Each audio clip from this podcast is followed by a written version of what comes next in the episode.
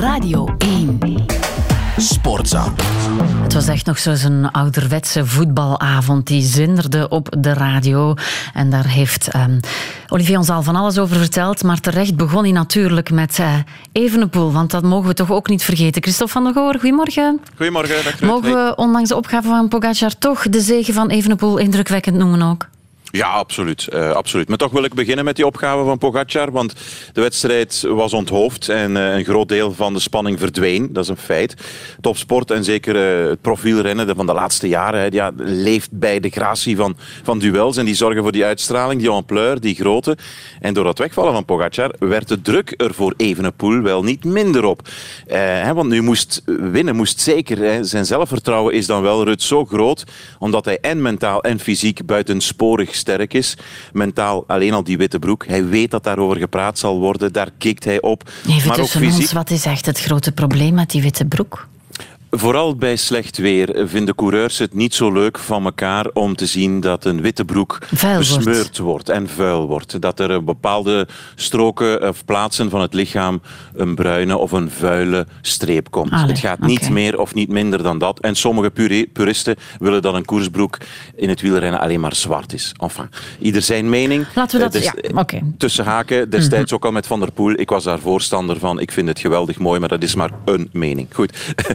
Uh, Evenepoel, niet alleen mentaal, die witte broek, maar ook fysiek bijzonder sterk. Kijk, hij, bewandelt eigenlijk de weg van de versmachting van de tegenstand. Hè. Hij laat zijn ploeg van op 130 mhm. kilometer al een heel strak tempo rijden. Evenepoel kan dat makkelijk aan, de meerderheid van het peloton veel minder.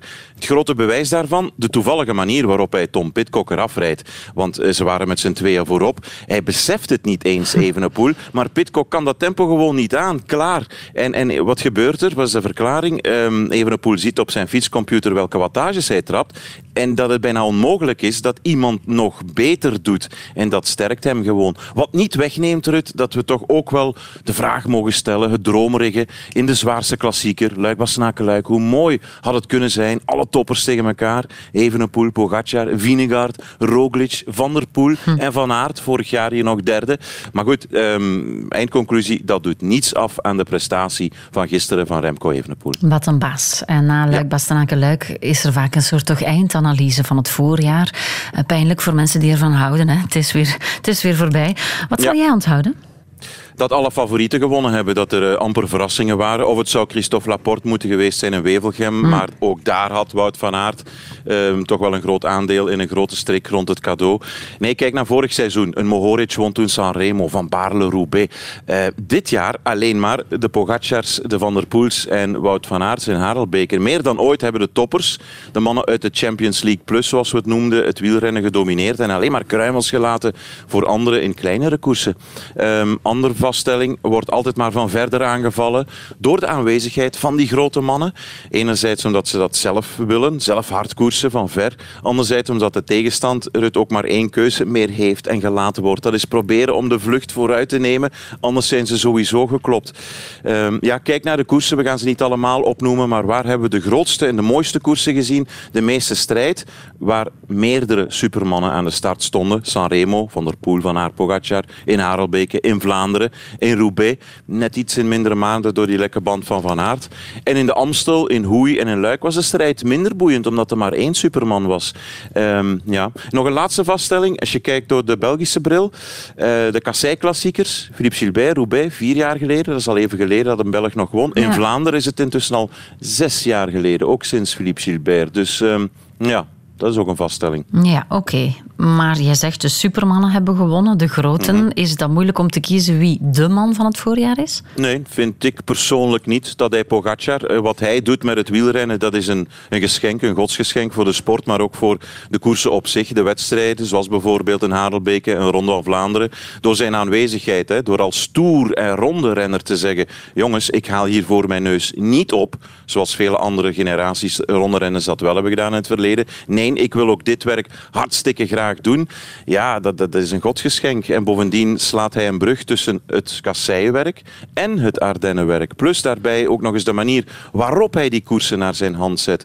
Vlaanderen bijvoorbeeld, Pogacar, hij rijdt weg van een supergoeie Mathieu van der Poel. Dat is toch, laat ons eerlijk zijn, de prestatie van het voorjaar. Bijna 200 kilometer vol uh, gekoerst. En nog even dit, ik heb het opgezocht zo net. Hij is beginnen te winnen op 13 februari, solo, in de Spaanse versie hm. van de Strade Bianche. Nadien, Ruta del Sol, Parijs-Nice, Vlaanderen, Goldrace, Waalse Pijl. Hij is tien weken later pas gestopt met winnen.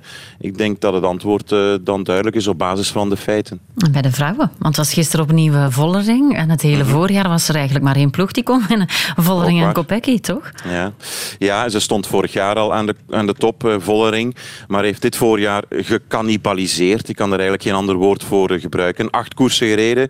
Alleen in de openingsklassieker de omloop. Niet in de top 10. Eh, de andere zeven koersen ofwel gewonnen of als tweede geëindigd. Ja, wat zeg je dan? Uh, zo. Ze, leek overal met overschot te fietsen. Zeker bergop. Ook al is ze niet van de kleinste, nog van de lichtste rensters. Maar toch met overschot. Kleine kanttekening, ook alweer door de bril, een Belgische bril. Uh, Lotto Kopecky wint Ronde van Vlaanderen. Maar had voor datzelfde geld ook nog eens Strade Bianche, akkefietje met uh, Vollering. En de Amstel kunnen winnen.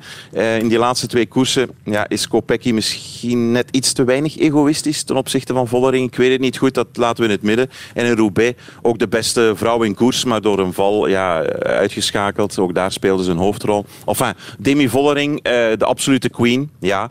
En dan moet je weten, Rut, mm. er zitten nog drie jonge, zeer talentvolle dames uit Nederland aan te komen. Met een Shirin van Anrooy, Fan van Empel en Puk Pietersen. Dus die oranje opvolging die is uh, al verzekerd in de toekomst hoor. Dankjewel voor je overzicht, Christophe van de Goor. Um, Oké, dat voorjaar dat zit erop, maar er komt nog heel veel, hè, gelukkig. Ja, binnenkort flitsen van de Giro en Remco Evenepoel op deze Radio 1, Rut. Dankjewel. Sportza. Sportza.